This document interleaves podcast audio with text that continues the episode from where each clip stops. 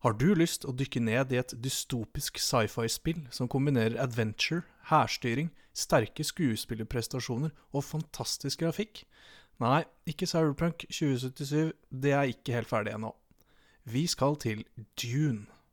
Du hører på CD Spill.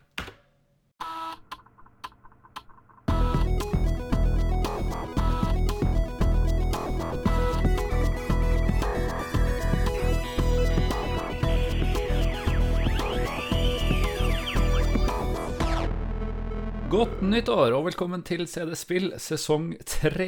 Vi har blitt fornyet uh, for uh, enda en sesong, og det som er så kult, er at uh, jeg er Mr. Mammen og er tilbake. Og det er alltid litt spennende når ny sesong er. Er det de samme med? Er det, har det mista noen? Har det plutselig dukka opp noen nye? Så hvem er det som er med meg i år? Nei, det er dessverre Sigve, da, som er verdens mest ubrukelige pro-gamer. og jeg jeg skjønner ikke hvorfor de har plukka oss opp for en tredje sesong, men det kan vel ha noe å gjøre med eierskapet eh, i, i, organisasjonen. Eh, ja, det kan, Som sitter, kan sitter her. Eh, altså det, det, er ikke så mye å spare på den luselønna som vi ikke får uansett, så da, da var det like så greit å bare Det er greit å ha noe å drive med, kan man si. Ja, absolutt. Men det er kult å være i gang igjen. Vi har um, masse planer, uh, vi, for, uh, for uh, sesongen. Og mange spill og gjester og sånn vi skal, skal, få med oss. Jeg kan jo fort nevne at for de som hørte Home Alone-episoden, så hadde vi jo en spørreundersøkelse som vi skal komme tilbake til resultatet av. Det var en del, fikk en del svar. Men siden ikke det var verdens mest populære spill, og folk sikkert glemmer det, så tenker jeg at vi er jeg lar den ligge åpen, ja. Så kan, eh, hvis dere vil gi oss anonym feedback, kan selvfølgelig ta kontakt på sosiale medier òg. Hvis dere vil gi oss litt feedback, bare benytt den. Den lar jeg Altså, jeg tror ikke jeg kommer til å lukke den selv om, det, selv om du hører dette i, i, sommer, liksom. Så det er en gyllen mulighet til å ta kontakt med oss eh, der. Så ja. Hvis eh, linken funker, så er det bare å, bare å gi gass på det hvis dere ønsker, ønsker, å bidra der. Det setter vi pris på. Um, ja, apropos sist. Uh, Home Alone. Uh, var det noen uh, kommentarer og sånn på den? Den versjonen vi spilte, var jo skilte seg fra det som muligens enkelte av våre fans har spilt. Men, ja, det var jo veldig mye rart. nei, altså Home Alone til PC slash Amiga. Mm. Verdens beste spill. skal vi se her, da. Vi fikk noen innspill på, på Home Alone her. Eh, på, i sosiale medier. mm -hmm. På Facebook så uh, skriver uh, vår etter hvert uh, nære kjære venn Torbjørn Preus Skau mm -hmm. Dette husker jeg ble spilt på Amigaen, men jeg syns ikke å huske at jeg klarte å runde det. Alltid noe jeg ikke løste. Fikk en tjuvradd til å gi opp, men han andre tok meg til slutt. Var vel bare 10-11 år, da. Og et ja. lite smilefjes der. Ja, eh, Torbjørn. Eh, som eh, noen på CD-spillet er inne og kommenterer på kommentaren på kommentaren under kommentaren. Eh, det er rimelig vanskelig de første gangene, men når du lærer deg taktikken, er det såre enkelt. Og det er jo eh, min erfaring, som jeg snakket om i episoden. Dette er en av de få spillene jeg har runda. Jeg har runda det flere ganger. Så Torbjørn, step your game up. Eh, her, må bare, her, må du bare, lære deg taktikken. så er det ganske breeze through mm. uh, egentlig. Og det er et veldig, veldig gøy spill. Ikke for sent. ikke for sent, Torbjørn. Ikke for sent.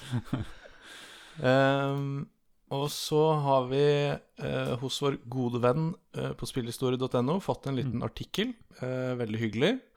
jeg reagerer dog på ehm, at han mener her, sånn cirka midt i artikkelen Dette Home Alone-spillet har vel ikke akkurat noen klassikerstatus.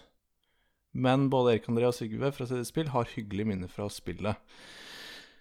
Jeg skal ikke bruke mye tid på Home Alone i denne episoden her, men eh, jeg utfordrer påstanden din om at dette spillet ikke er en klassiker. Eh, for i hjertet mitt så er det en klassiker. Eh, og jeg vet at det er mange eh, stille, stumme hjerter der ute som har det som en klassiker. Eh, jeg er veldig glad, jeg er veldig glad i spillhistorie.no. Men noen ganger så må man på en måte bare kritisere vennene sine også, når de kommer med sånne sinnssyke påstander.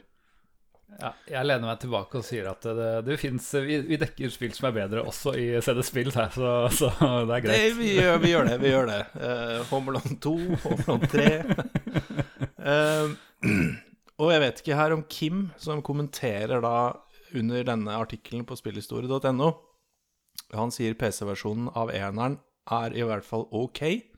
Mm. Ja vel, Kim. Uh, de standardene dine tror jeg alle vil bli møtt noen gang, men greit. Husker jeg spilte det litt. Ja, der er vi inne på kjernen til problemet. Jeg har ikke runda det, vet du. Mm. Vil ikke akkurat kalle det en klassiker, men likte det relativt godt den gangen. Altså, folk er Jeg så syns lunkne. alt der er helt riktig, det han sier. er så- Det, det er helt Jeg er- riktig. Jeg er helt Nei. Og han avslutter med 'har ikke spilt det siden det kom ut'. Nei, det, Nei, og vet du hva, det, det det, fortjener du ikke. Kim, det fortjener du ikke. Nei, jeg Eh, stiller meg bak det Kim sier. Ass. Det, det, det, er, en- det er ikke akkurat en klassiker, og det er ikke Det, var morsomt back in the day. Det, det kan, jeg kan gå med på det. Jeg er, jeg er opprørt, jeg er eh, frustrert, jeg er deprimert. Vi må videre, ellers så, ellers så blir, det, blir det ikke noe sesong tre, tror jeg. Det var uh, ut ifra det folk skriver, da, så var det heldigvis det som var av uh, brukerinteraksjon på, eh, på Home Alone-episoden Ja. vår. Mm. Ja, det er bra. Du, jeg snek meg med Det er jo ny sesong, og da skal vi prøve noe nytt. og sånn. Jeg snek meg med et segment som jeg kaller for eh, quiz. Vet du hva quiz betyr? Det har jeg hørt om. Jeg vet ikke hva det er, men jeg har hørt om det. Ja, Det hadde kanskje egna seg bedre hvis jeg hadde hatt en gjest eller noen å konkurrere med, men, eh, men eh, dette var noe jeg bare tok i full fart i, i går kveld. Så jeg tenkte at jeg skulle quize deg i noen ting, og så kan jo selvfølgelig de som hører på, se om de river seg i håret hvis ikke du får det til, eller, eller blir imponert, eller hva det er. Eh, Det blir, ganske, det blir bare fem spørsmål eller sånn nå i første, første omgang, så får vi se om det var noe suksess. Eh, Men dette er jo ting eh, Temaet for, denne, for i dag er jo eh, episoder vi har hatt tidligere. Så om du har lært noe, Sigve, og om de som hører på, har lært noe Jeg vet hvor dette går. Ok, jeg er klar. ja. eh, Hvor mange minutter var Nei da.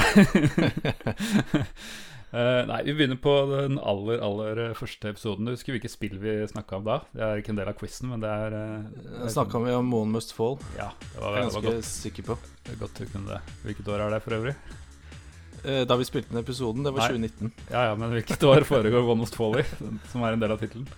Og er det 2020? Oi, 2097.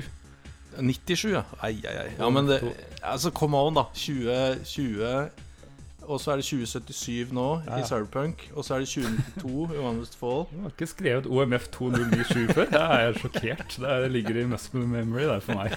Ja, ja. Jeg hadde vel Windows-versjonen, da. Mm. Men eh, jeg husker at du ble så imponert over musikken i One Must Fall. Og da er jo det vanskelige spørsmålet hva het han som lagde musikken? Oh, Jesus. Eh, nei. Eh, han har et polsk navn. Det er, det er jeg overbevist om. Polskklingende han navn. heter uh, Kenny Chow, uh, men CC Cash var studionavnet hans. Og det husker jeg du nevnte. Og uh, var imponert over eh, musikken hans, selv om du ikke hadde hørt om den. Jeg er tydeligvis ikke imponert nok, da, siden jeg tror han kommer fra Polen. Når han høres ut som han kommer fra Kina. Ja, Og, og spiller i søsterbandet til CC Topp. ja. ja. Nei, det gikk ikke så bra på første, første forsøk. her. Nei, Neste tror jeg er eh, mer eh, det blir enklere herfra, ikke sant? Det starter ja, vanskelig. Faktisk så tror jeg det blir enklere nå. Ja. For um, dette var nemlig noe du gjorde en del research på, um, så mulighetene bør være der. Og det var helt inspirasjonskilden til Dune 2? Det vet jeg. Mm -hmm. uh, for Dune 2 er jo uh, RTS-spillet som startet litt Yes. Startet RTS-sjangeren, men ikke helt. For det som startet RTS-sjangeren, det var nemlig Det var nemlig RTS-spillet med det uh, nydelig fløteklingende navnet Herzog 2. Yeah! Bling, bling, bling, bling, bling. Ett poeng. Yes. Ah. Mhm. Ok, og så er det Husker du vi dekket et spill som het Supremacy, Your Will Be Done? Eh, ja, det husker jeg. Den hadde en annen tittel i eh, Amerika, i USA. Husker du hva den amerikanske tittelen var? D- domi, domination Nei Eh, Hjelp meg litt her, da. Hva Hva, hva, Ja, var, hva, var det man gjorde i det spillet? Du kan jo si at du, du er en eh, enehersker, en, eh, en som eh, dominerer litt. Så domination var ikke så dumt, men eh, det begynner på O. Over. Ja, over, Overlord. Yeah! Nei, den var jo billig. Ja, Null poeng. billig. Null poeng. Minuspoeng. Ja. Jeg brukte både hint og fikk feil svar. Nei, for jeg husker veldig godt hvorfor eh, Eller i hvert fall min, eh, mitt resonnement. Hvorfor det ikke het Supremacy i Amerika. Mm. Og det har jo kanskje blitt enda tydeligere de siste året. At uh, supremacy er et ord som fort kan I hvert fall hvis du putter en farge foran det, så kan det bli litt sånn belastet. Så jeg tenker safe han der og bare droppa supremacy, og så Overlord. Det var, var. Stemmer. Da er jo neste spørsmål Skal vi til Prince of Persia. Eh, Han som lagde dette spillet, han hadde jo lagd ett spill tidligere. Eh, husker du hva det het? Ja, det tror jeg faktisk jeg husker. Kjør Å, på. fy søren. Det var til eh, ikke til Ami, det var Commodore, var det ikke det? Jo, Altså til, til Ja, Commodore-plattformen. Ja. Jeg er ganske sikker på at han som lagde Prince of Persia, eh, hans første spill, eller spillet før det, det var Karateka! Yeah! Pling, pling, pling, pling. Veldig bra. Da har du, Hvis du ser bort fra minuspoenget du selv ga deg, så har du i hvert fall to riktige, da, om ikke to poeng. Eh, Sweet. Siste, siste spørsmål nå, det er eh, nok litt vanskeligere, men du, du gjorde litt research på det, så mulighetene bør være at du får det til. Det her, Jeg liker ikke hvordan du legger premisset. Nei. Eh, Ok. spørs- spørsmålet er iallfall Hvem var designeren på Police Quest? Åh, spesifikke navn. Eh, på Du husker jo sikkert bakgrunnen hans. Det, Ja, det var jo en Det var jo basically en pol altså en politimester, basically. Men eh, han het eh, Stephen Barley. Stephen. Burley. Jim Walls. Jim, Jim Balls? Nei, Wall. Ja, ok, ok. Jim Wall. Ja. Hvis han hadde hett Jim Balls, det burde jeg huske. Ja, det burde det. Men Men Nei. Jim Wall, ja. Riktig. Ja, det var vel en sånn skyteincident eller noe som gjorde at han ikke kunne jobbe som politimann lenger. Og da Stemmer. Stemmer. gikk han til Ja, nei, men det gikk jo sånn eh, middels, kan vi ikke si det sånn? Ja, som uh, gamerkarrieren min. Ja, Ganske, gans, ganske middels. Men eh, Ja. med negative undertoner. Men eh, jeg syns det var bra. Det hadde vært litt pinlig hvis det var null, og det hadde vært for lett hvis du fikk fem, så jeg føler at da traff jeg i hvert fall eh, Traff jeg publikummet denne, denne runden. Ja, altså Quizmaster gjorde en god jobb, i hvert fall. jo, takk, takk. Yes, nei, men Da får vi komme oss i gang med dagens spill, som Ja. alle vet. Fordi det, det står navnet i podkast-appen, men men vi kan jo presentere det likevel. Det er Dune.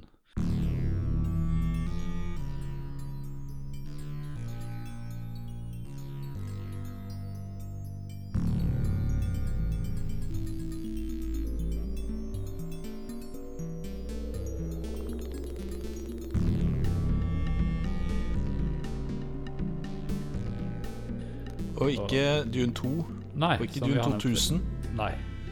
Men det er Dune 1, eller bare Dune, da? Det heter bare Dune, men det er jo lett Ja. å si Dune 1 da, for å, for å skille det. Skille. Men um, det ble jo, vi gikk jo litt inn på dette uh, hele Dune-universet i Dune 2-episoden, som starta på mange måter RTS-sjangeren, med basebygging og, og sånne ting. Uh, og for meg Jeg spilte det mye mye seinere enn eh, enn da det kom ut i 92. Eh, for meg var det veldig sånn myteomspunnet. For hva i all, all verden hvis, Hvorfor er Dune 2 grunnleggeren? Hva, hva i verden gikk da den originale Dune ut på? Så jeg var veldig nysgjerrig og veldig det var et spill jeg virkelig ønska å få oppleve, da, bare for å, for å finne ut av disse tingene. Så ja, jeg gikk litt inn på den uh, historikken. Jeg kommer litt tilbake til den etterpå. At Virgin Games ga ut begge spillene. ehm, og de ble utvikla parallelt og uavhengig av hverandre. Eh, og denne versjonen var det altså Cryo som, uh, som uh, utvikla. Og eh, ja, det er et strategispill inni spillet et sted. Men det er ikke den basebygginga, det er ikke den ressurs... Jo, det er ressurssanking, men det er ikke, det er ikke på den måten top down view som du ser på Ser i eh, Dune 2 og Command Conquer og sånn. Det er en blander litt sånn eventyrspill, egentlig, med, med strategielementer. Og det høres kanskje litt rart ut. Eh, hvordan funker det? Og det funker i en slags sånn derre myst-setting, med at du må, må trykke dit du skal gå i adventure mode. Eh, snakk, trykke på folk du skal snakke med. Eh, vanlig dialog 3. Det, det har ikke mye, mye å si hver, men det er litt sånn for å finne ut hvor, hvor, hva du skal neste. da Så hva, hva som er neste mål, så snakker du med folk rundt deg. Og du kan få opptil to personer til å bli med deg da eh, på steder som er nødvendig for å komme videre enkelte, enkelte steder. Og så besøker du jo helt i starten så besøker du eh, Ja, vi må kanskje gå litt på bakgrunnen for Dune for å, for å klare å komme inn på det. Ja, for jeg trenger litt eh, Eller unnskyld. eh, publikum er sikkert nysgjerrig på eh, veldig, veldig kort eh, Ja. hva Dune-universet er, og hvorfor du må gjøre disse tingene du må gjøre i dette spillet. Eh, og eh, ja, hva de, hva de hva liksom, Litt sånn hva law er her, da. Enig. Publikum, ikke meg. Ja, nei, absolutt. Du, Jeg du, kan husker, alt. du husker det jo fra, fra Dune 2. Ja, ja, ja, ja. Husker alt. Ja. Nei, altså eh, Dune-universet foregår jo i eh, langt inn i fremtiden. Sånn over 10 000 år. For eh, de som har sett det, den er basert på filmen fra 1984, er det vel, av David Lynch. Og eh, det er jo samme historien i spillet er det samme som i filmen og i bøkene, eller den første boka, egentlig. Eh, sånn grovt sett. Eh, Forenkla, selvfølgelig. Eh, med at eh, Det begynner med at eh, ja, det er jo sånne store dynastier, sånne hus, sånne klaner omtrent, familieklaner, som, eh, som styrer universet. Og en av de mektigste er eh, Harkonnen og Atreides. Og det ligger ikke noe skjult på at Harkonnen er the evil guys. eh, Evil Harkonnen. Mens Atreides de er noble og good, good guys, uten tvil. Og eh, oppdraget Eller det som Når, når, spillet starter, så, så har Atreides akkurat ankommet Dune og skal overta eh, Ta litt på den planeten. Eh, og grunnen til det er at på Dune så finnes det verdens mest verdifulle eh, krydder, som kalles melange. Som- litt sånn, eh, sånn eh, du har i stekepanna, men, eh, men eh, Ja, litt er mer okay. magiske egenskaper. Ja, for jeg har to, jeg har to assosiasjoner til melange. Det ene er jo melange, altså margarin. Eh, og det andre er eh, da jeg i min ungdom jobbet i Forsvaret, eh, hvor i, på kaffeautomaten som sto i ja, foajeen, så kunne jeg bestille wiener melange. som jeg aldri Jeg skjønte aldri helt hva det var. Der, eh, jeg kan, ja. Nei, der, eh, jeg kan nok mer om Spice Melange enn Wiener Melange, må jeg innrømme. Så da må jeg nok ty til eh, der, Det quiz-spørsmålet ble vanskelig for meg òg. Kan vi ikke sende det quiz-spørsmålet til lytterne våre? Kan, kan noen liksom gi oss en litt sånn kondenst versjon av hva, hva er greia med melange? For det er tydeligvis mer enn wienermelange i foajeen i en militærleir. Eh, og, og, og det du ikke egentlig bør putte i stekepanna, mener jeg, da. Men det er en annen diskusjon. Anyways. eh, dette krydderet gir eh, masse egenskaper, eh, men det fungerer akkurat som i de andre Dune-spillene, mest som en, som en ressurs. De nevner litt andre egenskaper i dialog og sånne ting, men det, det, det er egentlig penger, da, kan du si. Ja, for jeg, En ting er jo melange, vi gir den til lytterne. Men jeg har ikke helt forstått hvorfor uh, The Spice er så verdifullt. Altså, jeg, jeg skjønner jo de må ha en annen valuta. Mm.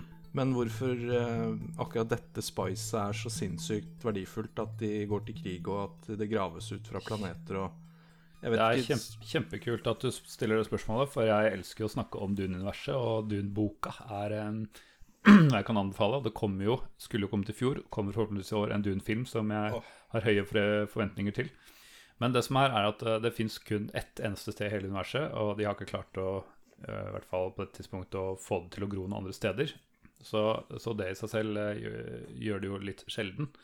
Men det har en rekke egenskaper. Det har sånn hallusugene egenskaper, holdt jeg på å si. At eh, enkelte får eh, eh, spesielt søs, søs, Sisterhood, som heter Benny Gesserit, som får noen som trenger det for å synse og sanse og litt sånne ting. Ja, så et, et narkotisk stoff, nærmest. Absolutt. Men det som gjør det aller, aller, aller mest verdifullt, er at eh, du har sånne nav guild navigators i fremtiden som trenger dette eh, stoffet for å for, å trans for eh, inter interstellar eh, travel, egentlig, da. Som kan, ja, la oss si, teleportere romskip fra, fra stjernesystem til stjernesystem. Da. ok. Da, da skjønner du jo greia. skjønner jeg liksom Du får det ikke overalt. Nei. Du kan bruke det for å få halliser. Mm. Og du kan bruke det for å ja, basically teleportere rundt omkring. Ja. Eh, eller sånn forenklet forklart, da. da. Da skjønner jeg, da har du en egenverdi utover Mm. utover å bare være en valuta som, som liksom arbitrært er bare puttet på et eller annet stoff. Ja. Ok, kult. Men det er klart, hvis du bare kjenner til Dune via spillene, så, så, så er det bare en valuta. For i Du- Dune 2 og Westwood-spillene så er det ut, utelukkende valuta, og her er det 95% valuta, altså litt sånn law innimellom, og litt, bitte litt uh, henvisning til de andre tingene, bare. Ja, for jeg har jo plukka opp at de, eh, de, ruser seg jo på Water Life også, men det kan vi kanskje ta etter hvert. ja, det, det, ja, når du først nevner det, Water Life er vel en blanding av, av krydder fortynna i vann, eller blanda ut i vann, tror jeg. Ja, selvfølgelig, selvfølgelig, for det var noen sånne underjordiske kilder og noe greier som var beskyttet av noe kvin kvinns i, i uh, utbroderte kjoler. Så her, nå begynner, jeg tror til og med jeg begynner å forstå litt uh, the, the law her. Ja. Så det er bra. Eh, vi har for øvrig, hvis du har CD-romversjonen Vi skal komme tilbake på forskjellen, men CD-romversjonen av eh, spillet eh, har klipp fra denne filmen fra Devil Lynch. Og den, eh, den starter med liksom, Princess Ireland som forklarer settingen. A beginning is a very delicate time. Know then that it is the year 10,191. The known universe is ruled by the Padishah Emperor Shaddam IV, my father. In this time, the most precious substance in the universe is the spice melange. The spice extends life. The spice expands consciousness. The spice is vital to space travel. The Spacing Guild and its navigators, who the spice has mutated over 4,000 years, use the orange spice gas, which gives them the ability to fold space. That is, travel to any part of the universe without moving. Oh, yes. I forgot to tell you. The spice exists on only one planet in the entire universe a desolate, dry planet with vast deserts. Hidden away within the rocks of these deserts are a people known as the Fremen, who have long held a prophecy that a man would come, a Messiah, who would lead them to true freedom. The planet is Arrakis, also known as June. Så år 10 000 eh, et eller annet eh, etter eh, jorda gikk i stykker eller et eller annet sånn veldig Det er veldig uspesifikt når det egentlig er, hvis man går inn i låren. Men, men, det er i hvert fall det som er bakom historien, og man ankommer denne planeten med dette ekstremt verdifulle stoffet. Men ute i ørkenene så, så Det er jo typisk menneskelig natur. Er ikke, man er jo ikke alene på den planeten, selv om det er noe viktig. Det er Ressursene trenger vann. Og en ting er det kanskje naturlige livet, som er disse enorme sandormene som, uh, som kan sluke hele store maskiner og alt mulig. Kan vel bli hundre, hundrevis av meter lange. De er en konstant trussel. Selvfølgelig. Sandorm, hør på det. jeg er veldig glad jeg ikke har sandormer i leiligheten. ja, det, det, er litt verre enn skjeggkre, tror jeg. ja, jeg er veldig glad. Jeg tror ikke jeg har det, i hvert fall. Nei, who knows, who knows. Det syns du er et eller annet som sitter i taket over deg her nå, men du får Nei, det er, det er, bare styggen på ryggen. Eh, I tillegg så er det noen uh, indign, hva heter det, urbefolkning. Noen um, mennesker, rett og slett, som har bosatt seg i ørkenen, dypt i ørkenen. I sånne huler. Sieges kalles det. Ja, for det er mitt neste spørsmål. Uh, A. Er siege et faktisk ord et, et, no, altså i, i, en, i, en, dictionary? Og B. Hva er en siege? Jeg tror uh, siege er et ord han uh, Frank Herbert, som forfatteren etter, har funnet på for anledningen. Og jeg har hørt noen som har lest boka, som blir så irritert over at at det er så mye som ikke blir forklart. Da. Så du, du skjønner, enten skjønner via kontekst, eller liksom gå i, i slutten står det en appendix hvor du kan slå opp hva ting betyr. Så Siege is a place where Fremen live. Så bare, ok, hva betyr Fremen? Så må du slå opp det. Ikke At, at, det er neste spørsmål. mm. eh, så jeg har hørt noen Jeg syns boka er fantastisk. Jeg, jeg skjønner eh, På en måte så er det litt kult at den er in universe, og du slipper å forklare alt, og du må liksom bare skjønne ting. Men jeg kan skjønne sånn rent pedagogisk at det kan være litt irriterende å ikke liksom ikke skjønne Hvis du ikke du catcher det, da, at du må skjønne det selv. Så det blir ikke sånn helt forklart, men det er i hvert fall hvis du ser i spillet, så ser det ut som huler som er under eh, ørkenen, eh, hvor da Fremen lever og bor, som da gir shelter for, um, Det er klart vann er en veldig verdifull ressurs på en planet som er en ørkenplanet, og eh, ikke det- kan gro så mye annet. For det er, det er, det er bare Dune, planeten Dune, som har eh, melange. Ja, i hele Ja. universet. Nettopp, Hele universet. Nettopp. Jo, det er, selvfølgelig. Det blir jo da et konfliktfylt område. Yes. og så der har du set the stage. Jeg skjønner. Uh, ja. Og som sagt så er det altså Harkonnen som har vært der før, og de har ikke sett på Fremen som annet enn noe man kan hunt for sports. Mens Atreides som ankommer, tenker at dette kan jo være verdifullt å, å prøve å alli- alli- alliere seg med de, da, siden, um, siden de først bor der og kjenner, kjenner verden. Så i eventyr, eh, eller jeg sier eventyrspill, men det er ikke så veldig eventyrspill egentlig. Det er ikke så mye sånn pickup og pull og Det er liksom ikke sånne ting. Det er mer at du, du må forflytte deg og oppleve noe nytt. ikke sant? Det er det som er eventyrspillet. Ja, for når jeg ser på Let's Playen, så får jeg det inntrykket at eh, eh, eventyrspilldelen av det er eh, litt sånn eh, Hva skal jeg si eh, eh, Omkringliggende. Mm. Men det du gjør, er jo i stor grad Jeg trodde jo Dune 1 og Dune 2 var helt sånn wildly forskjellige spill. Mm. Men det du basically gjør, er jo, som du sier, du drar jo rundt fra siege til siege. Og ma, eh, driver med resource management. eh, få spice, betale spice for våpen. Ja. kjøpe verktøy, kjøpe mer spice mining-verktøy yep. osv. Så, videre. så det er jo en sånn interessant kombo av at du må inn i Atreides-palasset og krangle med en eller annen fyr med rar uniform og høy krage. Ja. Og så må du ut og, og styre ressurser da, på planeten. Mm. Og det er sånn det funker. At når du da får um, For i dette spillet så blir det at Fremmen uh, samler inn uh, det spicet for deg, det krydderet. Uh, du får de til å jobbe, eller må overtale dem til å jobbe for deg. De, noen eh, sier bare 'yes, I will work for you', andre må du liksom litt betingelser for å få til. Så ser du at det er ikke helt rett fram, fordi du må, du må gi dem ordre, og da kan du velge mellom om de skal eh, spice processing, og så har du eh, militæret. Og så har du noe som heter økologi. Og det er jo i den rekkefølgen at du begynner med Spice, og så litt senere du trenger noe militære, og så helt til slutt så kan du gå for økologi, som er å terraforme dun grønn, egentlig.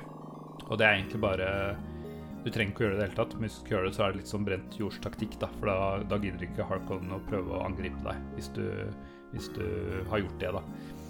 Så det er egentlig mer sånn hvis det først ikke er noe Spice igjen, så kan du gjøre det for å holde, holde liksom de unna. Ja, fordi spice eh, gror jo bare der det er helt ørken og ingen Mm. vegetasjon. Så ironisk nok, ved å vegetere planeten Mm. og gro grønn planeten, så vil du, så vil du ødelegge spice-tilgangen, rett og slett. Mm. Som Ja. du sier, bre brente jordstaktikk.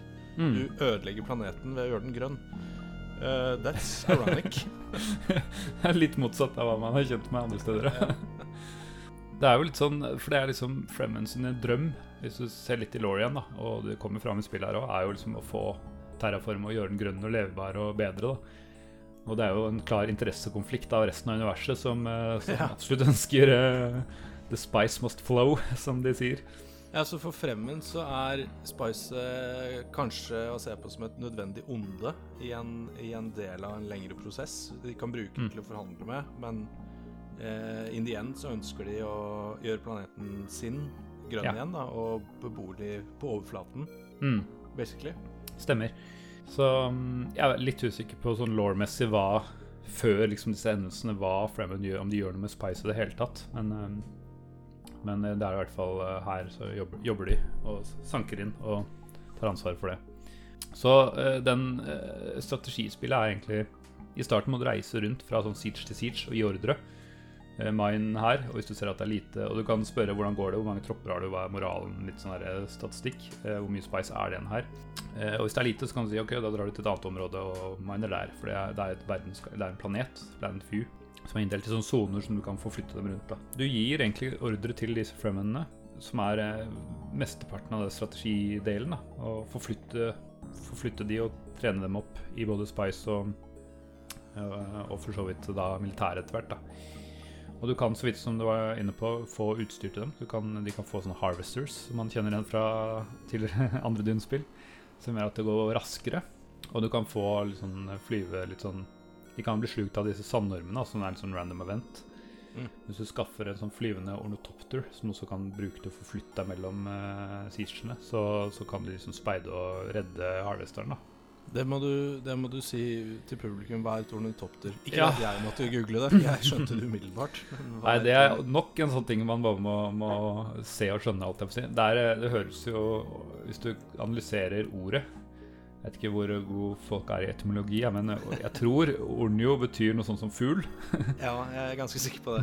Og topter, ja, copter, jeg vet ikke, virker kanskje flyvende helikopteraktig. Så det er en sånn Ser litt koko ut. En sånn helikopter som ser ut som en som har vinger og flakser. Ish er det fremstilt som her. Jeg tror det blir beskrevet omtrent sånn i boka. Altså. Ja, det så, det så ut som en eh, De hadde bare tatt en eh, amerikansk Apache Longbow-kropp. eh, og så hadde de tatt bort eh, rotoren og satt på vinger Ja. og, og noen sånne insektlignende bein. Jeg synes det, så, det så litt badass egentlig ut. Eh, Så ganske kult ut, men jeg, jeg klarer ikke å liksom, se for meg at det skulle fungere. da nei, altså Jeg tror ikke det er en behagelig flytur. Det tror jeg ikke. Men det så fett ut. Det gjorde det. Og som sagt, du du også bruker det for å forflytte deg mellom, eh, mellom områder. Og det som er litt kult, er at du kan eh, trykke eh, select destination-type og, og dra ting, men du, du kommer fort i situasjonen at du må oppdage nye sitches. Og da får du eh, beskjeder om at ja, det er rett vest herfra. Og da må du på en måte fri fly, hm, hvor du kan styre litt sånn høyre-venstre navigering, og du ser på et kart hvor du er på vei og sånne ting. Og da er det sånn at hvis du kommer i nærheten, sier du å, jeg tror jeg så noe, ikke sant. Eh, land der. Og det er egentlig nesten alltid sånn du oppdager nye områder av at du får et hint om hvor den neste siege befinner seg, og du flyr etter de reglene du får eh, beskjed om. Ja, det er liksom hovedspillet, egentlig. Etter hvert oppdager du jo hele planeten, og etter hvert blir jo militæret mer eh, viktig, fordi Harkon kan gå til angrep. Du må trene tropper, og du må da koordinere det, og gjerne gi dem litt våpen, som du da bruker Spice til å kjøpe. Eller du kan finne noen sånn randomly også. Og um, ja, det du skal med Spicen, da, det er et sånn tidsaspekt her, det er at um, keiseren i universet, Shaddam, eh, et eller annet, den fjerde, tror jeg det er. Ja, for han, han må vi snakke mer om, tror jeg. Ja, han, eh, han Mest- eh, kan- På, bare pga. navnet i første omgang. ja, Shaddam. Ja, dette ble skrevet på, på, for ganske mange år før Shaddam Hussein var, var en realitet, så jeg vet ikke helt hva, eh, hvor, hvor det kom Det høres jo uansett, uavhengig av Saddam Hussein eller ikke, det Mm. høres jo ikke ut som liksom en du inviterer hjem til moderen og faderen på søndagsfrokost. Og han er vel i alle former for dun, eh, så er vel han en slags eh, Ja, han er en keiser, og en ond keiser eh, har man vært borti i, i space operas før, for å si det sånn. Det er sant. Her er det kunne jo vært en romersk ja, fortelling, dette, Mm. for eksempel. Med disse husene og Ikke sant, fordi Shaddam er keiseren. Så han Mm. står over husene, House of Atreides og House Harkonnen, og Ja.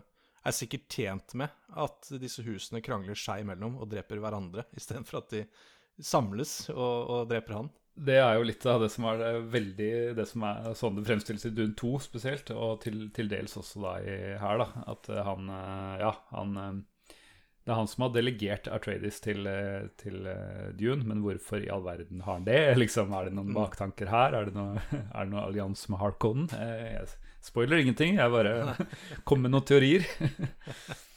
Og Spice, jeg må bare spørre før vi går videre eh, Gror Spice på nytt? Altså er det, en, er det en renewable source of energy, holdt jeg på å si? Eh, I det spillet her er det ikke det. Eh, Nei. Det er Men vel noe sånn law-messig Ja, jeg tror de er knytta til sandormene på en eller annen måte. At det er, eh, Om det er ekskrementer eller om det er litt sånn som olje, at de dør og det blir til det. det jeg husker ikke helt hva greia er, men, jeg, men det er knytta til disse sandormene. Men i det spillet her så er de eh, forsvinner de, da. Ja, det er finite. Det er, Ja. Mm. mm. Og ja, Shadam skal ha disse leveransene fra Spice ganske regelmessig, så du må gjennom eh, palasset ditt og sende av gårde. Og det er sånn Jo, greit, du får hele tiden flere fremmed og flere områder og sånn, men han er mer og mer grådig og han sier alltid at jeg skal ha så, så mange kilo om eh, to dager, og så når du har levert det, så skal han ha dobbelte om eh, fem dager til, ikke sant? Og så, så vokser det vokser Klassisk. vokser. Klassisk. Så du har på en måte et slags tidsaspekt på å fullføre spillet, da, som, eh, som er å ta rotta på disse Harkonnens, selvfølgelig. Han ser jo Han ser jo ikke tillitsvekkende ut heller, han godeste Shaddam. På ingen måte. Og han ser Der har de tatt seg litt kunstneriske friheter i dette spillet. For, for han ser ganske menneskelig ut i, både i Dune 2 og Dune 2000 og i filmen, mener jeg. Men her ser, ser den ikke helt god ut, nei. Ja, altså jeg, jeg tenkte liksom Er det her Er det onkelen til Darth Maul, eller noe Ja, sånt? Ja, den vibben der. Han er i slektstreet da, til Darth Maul. Jeg tror det er det litt, litt periferer, men ja, helt klart. Så ja, det er jo basically spillet. Um, og eh, ja, nå er jeg ikke akkurat fokusert mye på historiedelen, da, men, eh, men det, det skjer ting. Du møter Du møter liksom prominent uh, Fremen-personer, og det, det er hendelser som skjer underveis, da. Den, som gjør at du må uh, fokusere på litt annet enn bare, bare det vanlige hele tiden. Som holder deg i gang, så det ikke blir så ensformig som fort sånn backtracking og sånn i eventyrspill kan bli, da. Ja, men da tror jeg jeg har tatt for meg stort sett selve gameplay og sånne ting. Ehm, jeg eh, tenker vi må innom eh, musikken i dette spillet, for eh, den, det er veldig definerende og til min mening veldig sterkt. Ja, jeg så jo Let's Play i denne anledningen. Det er jo du som har spilt spillet skikkelig. Akkurat her så, så kom jeg litt inn i research-rollen i nyere tid. Mm. Og, og det slo meg jo eh, nesten umiddelbart at det var veldig sånn fascinerende musikk. Det var eh, selvfølgelig nostalgifaktoren over eh, lydbildet, men eh, den musikken var veldig sånn fengende med en gang. Det, det er bra du sier det som ikke har hørt det så mange ganger som meg, men jeg også fikk ganske insta, instant match på den. Um, den er komponert av en franskmann som jeg garantert ikke klarer å uttale navnet riktig, men jeg prøver meg på noe sånn Stefan Pick, eller noe sånt. Ja, altså jeg, jeg Det er vanskelig å unngå PC-er i notatene her Stefania, og så er det PICQ. Ja, Det er, det er ikke noe vei utenom, altså. Det er en pikk. Men uh, ja heldigvis så Ja. er egenskap, musikalske egenskapene bedre enn etternavnet hans, får vi nesten ja, vi får si det sånn. Eh, Og den heter noe så eh, Ja, jeg har lyst til å si originalt, det, er som Spice Opera. Jeg Ja, den, digger det navnet. likte den likte jeg veldig godt. Det, det, den pun intended, det er en god pun. Ja, absolutt. uh, og klart, det, Med det etternavnet der så må du ha litt humor. ja, kan det være det. Akkurat som han, eh, han kan norsk og tenker på det norske markedet der. um, men det som er så utrolig unikt, vil jeg på, påstå, uten at jeg har eh, all peil på musikkutgivelser, er at dette ble utgitt på CD, eh, eller ja, CD, tror jeg. Eh, og et spill-soundtrack som ble utgitt på CD på, på 90-tallet, eller i hvert fall så tidlig, det må jo være enestående omtrent. I dag skjer det, eh, for all del, men nå er jo ikke kostnaden å utgi noe så veldig stor heller. Men det må være en av de tidligste eksemplene jeg vet om på spillmusikk som har blitt utgitt sånn ordentlig på et label. liksom. Jeg holdt på å si Ble, ble musikken til eh, Command Conquer gitt ut på CD? Jeg kan ikke huske det, egentlig. Og Det det er er, ikke- jo en av de mine første Hva skal jeg si CD-verdige utgivelser som jeg kan huske. Ja, Nei, det har ikke blitt utgitt på CD. Sånn i senere tid så har det blitt utgitt noe på med remaster og sånne ting på Spotify. Sånne ting, Selvfølgelig. men, selvfølgelig Men eh, men eh, du fikk jo ikke tak i det på 90-tallet, vil, vil jeg påstå, uten at jeg eh, kan sverge på det. Men jeg, jeg tror ikke det. Jeg har ikke inntrykk av det. Det finnes nok sikkert en eller annen obskur utgivelse fra, fra Ungarn eller et eller annet som Ja, ja. hadde et Botlegg. begrenset, begrenset nedslagsfelt. Eh, hvis noen er kjent med om musikken til Command Conquer blir gitt ut som en egen altså albumutgivelse, så Mm. gi oss en shout-out på det, for all del. Men eh, det er imponerende Mm. eh, at et spill så tidlig i dataspillverden Mm. faktisk ga ut soundtracket som et album. Det, det er imponerende. Mm. Og det skal jo også sies at eh, og, ja, eller Det er kanskje det viktigste. Da. Dette er jo faktisk midi-musikk. Det er midi-musikk som sikkert er eh, orkestrert bitte litt annerledes på CD-utgivelsen. Men det er i bunn og grunn midi-musikk eh, Det er gjenkjennelig, for å si det sånn. Og det gjør det ekstra kult. Og det sies ifølge denne Wikipedia-siden at eh, han eh, Ja, Pikk.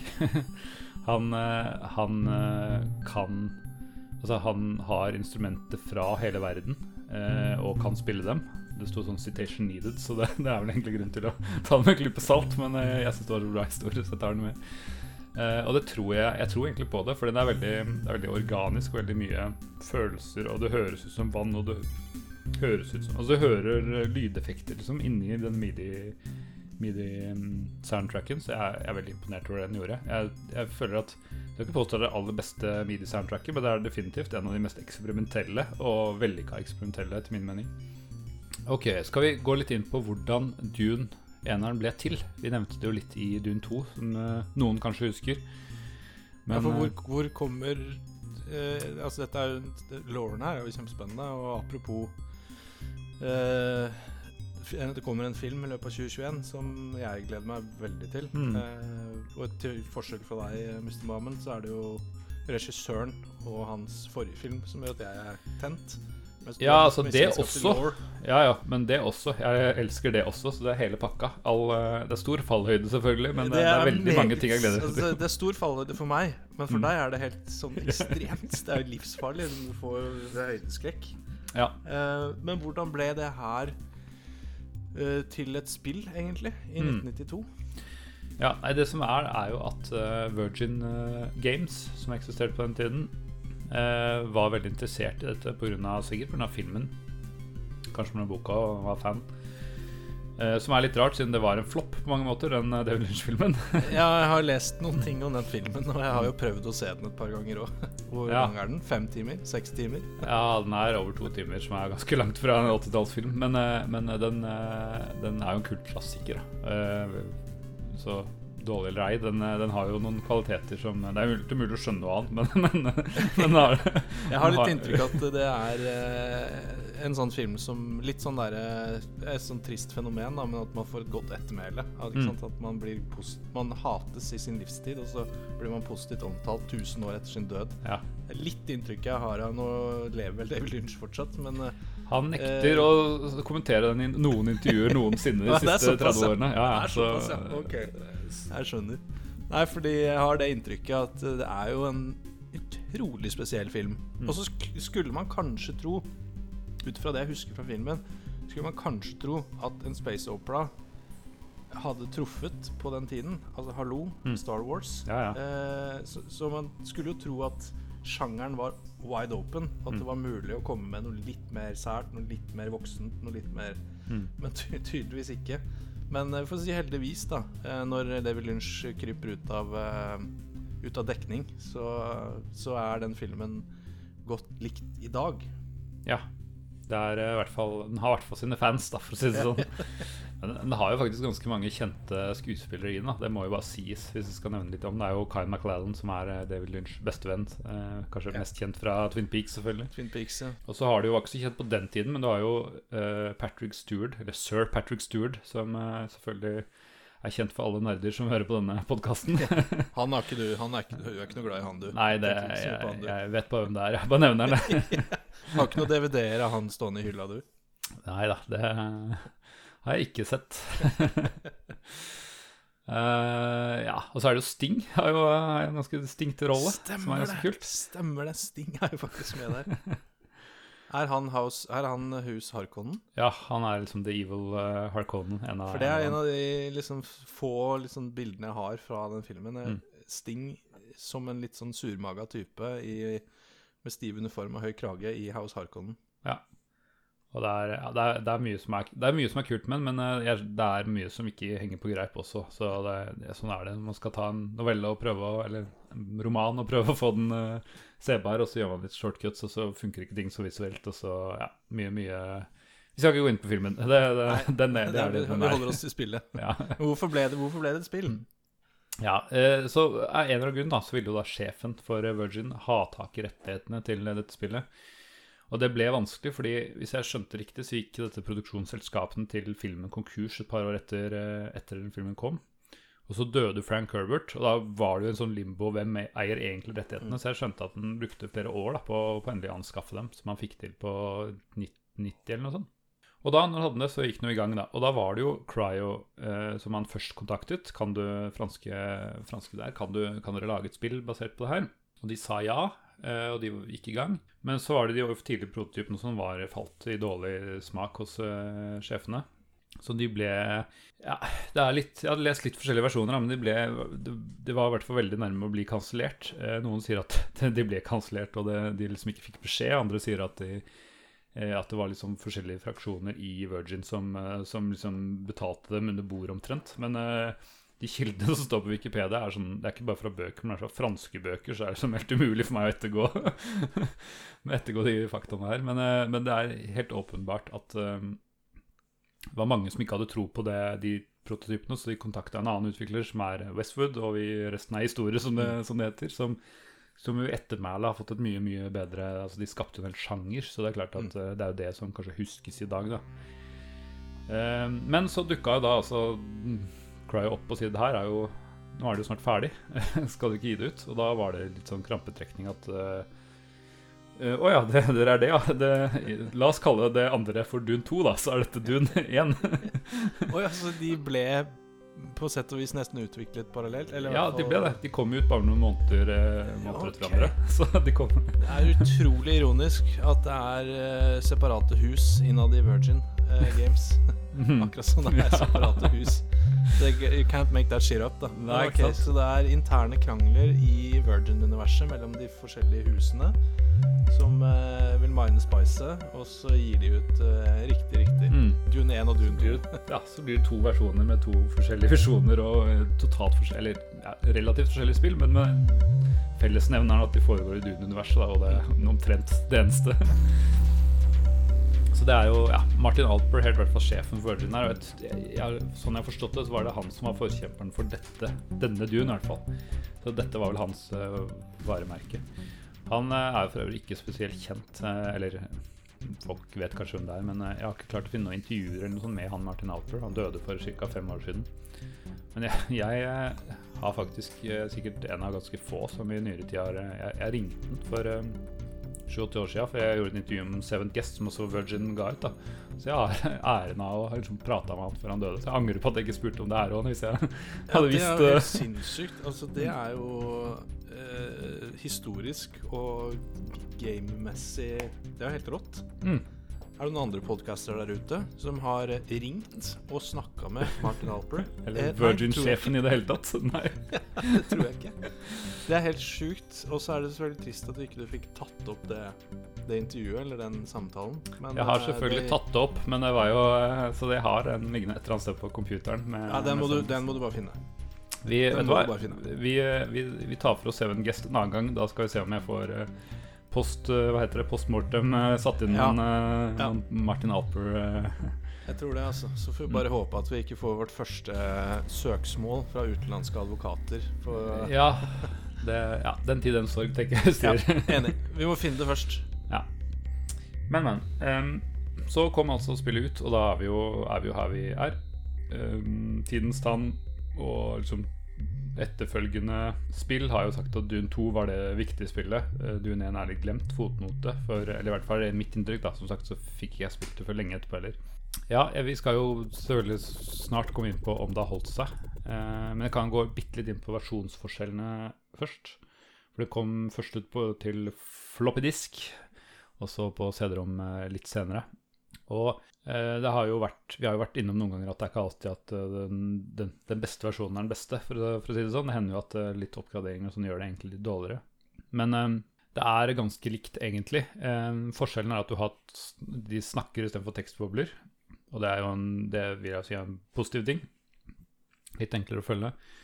Uh, og så er det videosekvenser fra filmen som er totalt meningsløse fordi det er så dårlig oppløst og er, altså, filmen er litt fjern, og det er, det er, ikke så relevant for plottet. Så det er, mer, det er sikkert en sykt imponerende ting å se i 1992, for all del, i levende video. Men jeg syns ikke det gir så mye til spillet.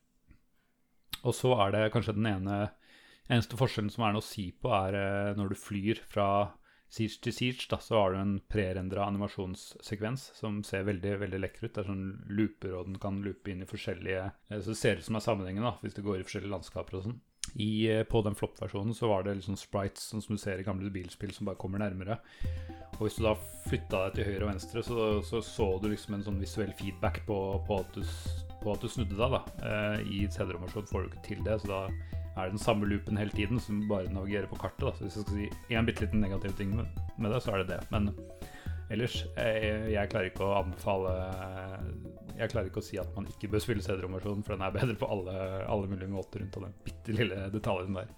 Uh, og jeg vet at det kom ut til et par andre plattformer. Amiga kom ut til å Jeg vet ikke om det var noe Sega CD eller noe sånt, men det, de har jeg ikke spilt, og de tror jeg ikke vi dekker, eh, dekker her. Ja, da tror jeg ja, noe mer. Du, hadde, du sa du hadde en del spørsmål. Har du, har, du, har du fått besvart? Har jeg vært flink å besvare dine spørsmål? Er det fortsatt et stort spørsmål? Ja, går jeg ut har, eller det er vel kanskje ikke et spørsmål så mye som det er en, eh, bare en morsom liten oppdagelse jeg gjorde der. Eh, jeg har jo, eh, som jeg har vært åpen på, ikke spilt dette spillet så veldig mye. Men jeg noterte meg litt forskjellige ting, og det ene jeg noterte meg, var jo Cruise Knife. Som er et veldig sånn uh, hellig våpen som brukes av uh, Fremen, i hvert fall i utgangspunktet. Yes. Uh, som, eh, så vidt jeg kunne lese meg til, var noe sånt som eh, krystaller fra tennene til sandworms. Ja, stemmer. stemmer. Som krevde noe voldsom eh, Nærmest magi for å holdes sammen. Du skjønner jo at dette er en manndomsprøve når du må ta det fra tanna til en gigantisk sand, sandorm. Eh, og, og, og hvis du greier da gjennom eh, disse holdt på å si magien å holde det samlet som et knivblad, så Mm. er det basically the baddest shit out there, da. Mm. Så der lærte jeg noe nytt, og det var gøy. Men det var egentlig bare en liten anekdote, for det var eh, Da lærte jeg plutselig eh, Jeg liker å høre på lyden av eh, Outer Space når jeg skal sove. Mhm. Og jeg har en favorittartist, eh, vil jeg faktisk kalle det, på YouTube. Som har lyden av alt fra eh, Star Wars-romskip, eh, Alien-romskip Ja, i det hele tatt. Og han lager sånne 24-timers YouTube eh, Ikke filmer, da, men låter, hvis du kan kalle det det. Som bare gir deg en sånn behag Det er sånn white noise, basically. Ikke Ja. sant? I forskjellige former. Former eh, Og han heter Chris Knife 007. Ja, har du Og så har jeg egentlig aldri liksom, Ja, ja, han heter det, og folk på YouTube heter så mye forskjellig. Og nå, etter å ha hatt han som en favoritt ved leggetid i mange, mange år, Mm. veit jeg hvorfor han kaller seg for Chris Knife. Aha. Eller jeg veit hva Chris Knife er. Så det var egentlig bare en liten anekdote der. Og for dere der ute som sliter med å sove og liker litt white noise, eh, sjekk ut Chris Knife 007 på, på YouTube. Det var en liten plugg der òg, gitt. Men eh, Så der lærte jeg noe nytt, og det var litt morsomt. Eh, Siege og Spice og Melange og sånn, det var interessant. Men uh, Chris Knife hadde jeg hørt om før, så det var litt morsomt. Så da veit jeg det. Og jeg vet at jeg kommer aldri til å få meg en ordentlig Chris Knife. Nei, det kan dream on, dream on. kan hende at når du blir trans-induced av å høre på Chris Knife, så, så ankommer en Chris Knife i drømmeland. Jeg får ta meg en slurk med Water of Life. Gjør det. Skål. Der, vet du. Sånn. Ja. Nå kan jeg teleportere. Mm. Det er, eh, jeg kan nevne helt til slutt også, det er en veldig imponerende effekt med at det er sånn day-night cycle også. Så du ser, hvis du er ute i landskapet, så ser du den switche fra dag altså Ikke, ikke liksom fading, men, men ved en sånn ordentlig fargepalett som um, frisker opp. Så det er, det er veldig stilig. Veldig stilig visuelt, uh, de tingene der. Men ok, eh, fansen. eh, vi kaller det for fansen, de, de, de som gidder å kommentere på våre artikler. Eh, jeg tror vi fikk inn eh, en kommentar et sted, gjør vi ikke det? Ja, vi har, vi har ehm, eh, en fyr her som jeg aldri har hørt om før, som heter Torbjørn eh, Skau, som eh, har vært og kommentert. kommentert ja. Mr. Moonstone, kan vi ikke kalle han det? Ja, som har vært og kommentert på, på Facebook. Eh, jeg bare tuller, Torbjørn. Vi er veldig glad i deg. Det er veldig koselig at du er inne og kommenterer. Det setter vi pris på. Han sier om Dune eh, Jeg har svært gode minner fra dette spillet. Jeg ø, anskaffet det rundt 1992 fra såkalt noen i nabolaget. Det har jeg aldri Det- hørt om før. Nei, riktignok til Amiga, og syntes det var svært spennende. Utforsking av Seaches for å møte Freema, unnskyld, Fremens, Hmm. og en spennende historie som drev handlingen fremover. Noen ganger satt man selvsagt fast, og da var det bare å prøve til man fant triggeren for videre handling. Mm. Det kan jeg kjenne igjen fra en del av de eldre Ja. adventure-spillene, ja. Eh, jeg var så dypt inn i Dune at da folk i gjengen snakka om Dune 2, var jeg sikker på at de mente dette. Og jeg skjønte ikke helt hva som foregikk. Her har du en uh, sjelevenn, uh, ja. Det er ikke så lett å Hvis man, hvis man tar feil av de spillene, så skjønner jeg at man snakker veldig forbi hverandre noen ganger. Uh, når vi snakka om dem, og en kompis kunne si uh, Det er jo to forskjellige Dune-spill, så repliserte jeg for kødd ja, ett bra Dune og ett dårlig Dune 2. Ja. Uh, dette formatet for spill var kanskje Cryos patent, hvor man gikk fra scene til scene med slike valgmuligheter i liste. Eh, husker det også fantes et mysteriespill som het KGB i samme sjanger. Altså, den fyren her, da. Mm. Han har spilt så mye rart. Vi har spilt mye rart. Men han her har spilt enda mye mer rart, da. Jeg må Så- si eh, jeg har ikke spilt noe Under Cryo-spill, men jeg er kjempenysgjerrig på andre jeg, Altså Dette syns jeg er veldig, veldig stilig spill. Så jeg er veldig, hvis, de er, hvis det liksom er for, formelen den, så er jeg veldig klar for å prøve noe av de andre. Så, Ja, det er, vi- KGB, hvis det er det det heter, må sjekkes Mm. ut. Um, han har tatt seg litt tid her. Uansett runda jeg spillet og terraforma Dune mens jeg knuste Harkonnen med mine krysskniver ja, og Fremmen-gerilja. Koste meg i ørkenen med Shani og Road Those Worms, om Ja. det er lov å si. ja, det er lov å si. ja, det er lov å si. Nei, det er ikke lov å si. Jo, det er lov å si. What, what happens on Dune, stays on Dune. Eh, husker fortsatt navnet Gurney Halleck, som i den tid var det rareste navnet jeg hadde hørt. ok, her har du virkelig Dette er en sjelevenn. Altså, dette Ja. er ikke bare Dune-spillet. Her har du virkelig en, en kompis for life da, i Dune-universet. Figurene var vel for øvrig basert på filmen av 1984, ja, som vi har toucha innom. For Feid Rauta Harkonnen ligna veldig på Sting. At der har Mm. vi Sting, ja. Ja, ja men det Altså, de, de, I spillet så gir de credit til at uh, Paul Atreides uh, har lånt utstedene fra Kyle McLallen. Men det, det sier ikke noe om de andre. Men jeg, jeg er helt enig i at Sting Det ligner på Sting. Altså. Det ligner på karakteren han spiller, i hvert fall. Uh, veldig mye. En liten PS her på slutten. Jeg lagde på den tida en magiker i Dungeons and Dragons grunnregler. Ja, vi er jo en podkast for nerds med Sure. nerds inni, så jeg, jeg støtter den, at du presiserer at det er ikke ADND.